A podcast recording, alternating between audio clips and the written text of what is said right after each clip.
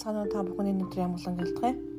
Тэгээ өнөөдрийн биднэрт өгсөн үг бол 13-аас өгсөн байна. 6-аас 9. Тэр нэгэн сургаал зүрлээ альдав. Нэгэн хүн усан үзмэн цэцэрлэгтээ инжирийн мод тарьжээ. Өнөө хүн тэр модноос жим сайгаад юу ч олсонгүй. Тэгээд цэцэрлэгчд хараач 3 жилийн турш би иржин модноос жим сайгаад юу ч олсонгүй. Түүнийг огтолч хай. Энэ мод юунд газрыг дэмий эзлэх ёстой гэж гэжээ. Цэцэрлэгч түнд эзэнтэй энэ жилдээ бас аадсны би хөрсийг нь сэргэжүүлж бордъё. Хэрв ирэх жил жимс өгвөл сайн биз. Хэрв үгүй бол огтлоод хайчи гэв. Тэгэхээр бурхан үнэхээр үр жимс тарьдаг. Тэгэхээр эдгэрлэл ч юм уу зарим эдгэрэл удаандаа явдаг бол зарим нь хурдан явдаг л доо. Чөлөөлт ч гэсэн заримдаа хурдан явдаг. Аа заримдаа бас хугацаа өгөх тохиол байдаг. Харин төлөвшлийн асуудал бид нар заримдаа ойлголтын асуудал хугацаа орох нь байдаг. Жишээлбэл шинэ хэлээж зарим юм ойлгохгүй байж болно. Эсвэл төвчээр гэдэг үр жимс хугацаа орж ургадаг. Амар амгалан хайр, инэрлж гисэндээ. Түүнтэй адилхан бидний сүнс ариун сүнстэй яг нэгдэх үед, нийлэх үед хөрс болж хөрсөн дээр үр жимс ургадаг байгаа. Ариун сүнсний үр жимс ургадаг. Тэгэхээр нэгэн үр тарьчгаад тэр хараад суух юм бол бүтэхгүй. Боддоо цэцэг урахыг харах юм бол яах вэ? Сүүлдээ хөрсөн дотор байгаа үр нь ургаж ийн урахгүй нөө баг урахгүй байгаа юм шиг санагдаж эхэлнэ. Тэгэд эн чинь бүтэхгүй юм байна гэж бодож эхэлнэ. Арай ч үгж мод суухаар баярладаг. Мод суусан ч гэсэн үр жимс гарахгүй ч юм уу хүссэн цэцэг нь урахгүй байх юм бол хүн уралж эхэлдэг. Гэтэл үр жимс урахтал хуцаа ордог. Бид нар түнхээр төвчээр хэрэгтэй болдог. Тэр хажуу талд нь байгаа цэцэрлэгчийн мэрэгүү ухааныг харж байна уу? Бид заримдаа цэцэг тарьчаад ч юм уу эсвэл мод тарьчаад үр жимсийг урахыг хүлээж чадахгүй уурлаж бухимддаг. Ялангуяа үг үг айлдаад нөгөө хүн маань үгийг минь ойлгож үгийг үгэн дотор амьдрахад бас хуцаа ордог. Яагаад вэ гэвэл би бараг 93 оноос хойш янз янзын байдлаар итгэлээсээ унаж, босож, бүдэрч явж байгаагийн хувьд юу гэж хэлмээр байна вэ гэхээр үнэхээр маш олон удаа би бүдэрсэн байдаг.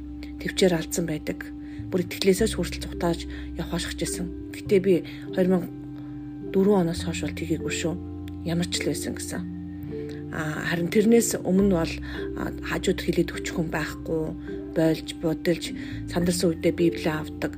Заримдаа бүр ламбу, ламаарч хүртэл явж ном уншуулж исэн тохиол би ээжигээ дагаад л явдаг байсан. 15 6 та хүүхдийг та буруутгах арга байхгүй. Тэр үед угаасаа буддист соёл дотор энэ хөрс ургасан. Энэ өвөр Харин тэ чулуутай хөрсөн дотор яаж ургаж ариун сүнсний хүчээр эзний хүчээр л боловсрсон гэж би хэлж батна. Тэр үдний миний модноос үр жимс ургах гэж бараг гараагүй хугацаа маш их орсон. Тэгээ үр жимс ч гэсэндээ заримдаа гашуун буруу ч юм уу бурхан үнэхээр төвчээртэй зүн шүү. Үнэхээр үнэхээр төвчээртэй. Аа мэдээж бурхан хүн биш л дээ гэхдээ төвчээртэй. Тэгээд бид нар үнэхээр төвчээр алддаг үр хөвтөөсөө ч гэсэн өөрийнхөө хүснээр байх гэж оролддог. Тийм учраас бид нар цэцэрлэгч гэдгээр ерөөсөж мартаж болохгүй. Энэ мэрэгэн цэцэрлэгчийг хараач 3 жилийн турш би ирж энэ модоос жим сайгаад юу ч олсонгүй. Огтл чаяг гэхээсээ өмнө бас газрын сэргижүүлээд ягаад жим сурахгүй байгаа юм бол гэж сайн ойлгох хэрэгтэй. Хөрсийг азнаад хөрсийг нь сэргижүүлж бордыг жилсэн Тэгэхээр биднэрт бас бордоо хэрэгтэй болдог. Бид нар хөрсийн сэргжүүлж хэрэг голоос урс урсахгүй бол булган юунаас болоод бохирдсан бэ? Эсвэл чулуу наалтсан байна уу? Тэр чулуугийн төв гэж бодох хэрэгтэй. Үнтэй адилхан цэцэрлэгийн үнээр хөрсийн сэргжүүлэх үү, бордох уу? Ямар асуудал байна? Үржимсээ өгөхгүй байхад нь гэдгийг сайн асуух хэрэгтэй.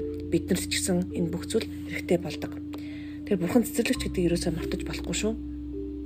Тэгээд бид нар зөвхөн Иесус Христтэй холбоотой хамт байх үед модондоо мөчрийн хувьд модтойгоо холбоотой байх үед үржим сургалдаг. Тийм учраас модтой холбоотойгоо модтойгоо холбоотой байна уу?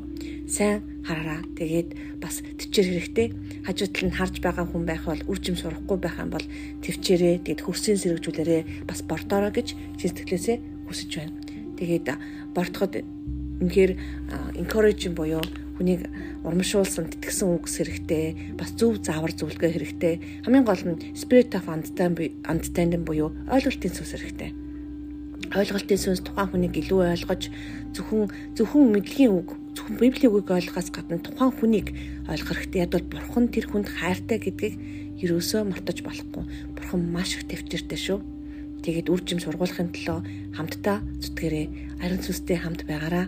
Таны сүнс эзний сүнстэй нэгдэх үед үржим сургадаг. Тэгэд үржимсэнд төвчээр маш хэрэгтэй шүү. Тэгээд аяндаа төлөвшлийн процесс ч гэсэн хугацаа ордог гэдгийг мартаж болохгүй. Тэгээд та битээ санаа зовоороо таны хүссэн үр дүн өдөртөө гарахгүй байх юм бол та зүгээр үрээ хараад сууж байгаа урахгүй байх урахгүй байх гэж орилж байгаа хүнтэй адилхан болж хуурна. Заримдаа мартах хэрэгтэй болдог. Эзэнд итгээд амраараа гэж хэлмээр байна. Баярлалаа.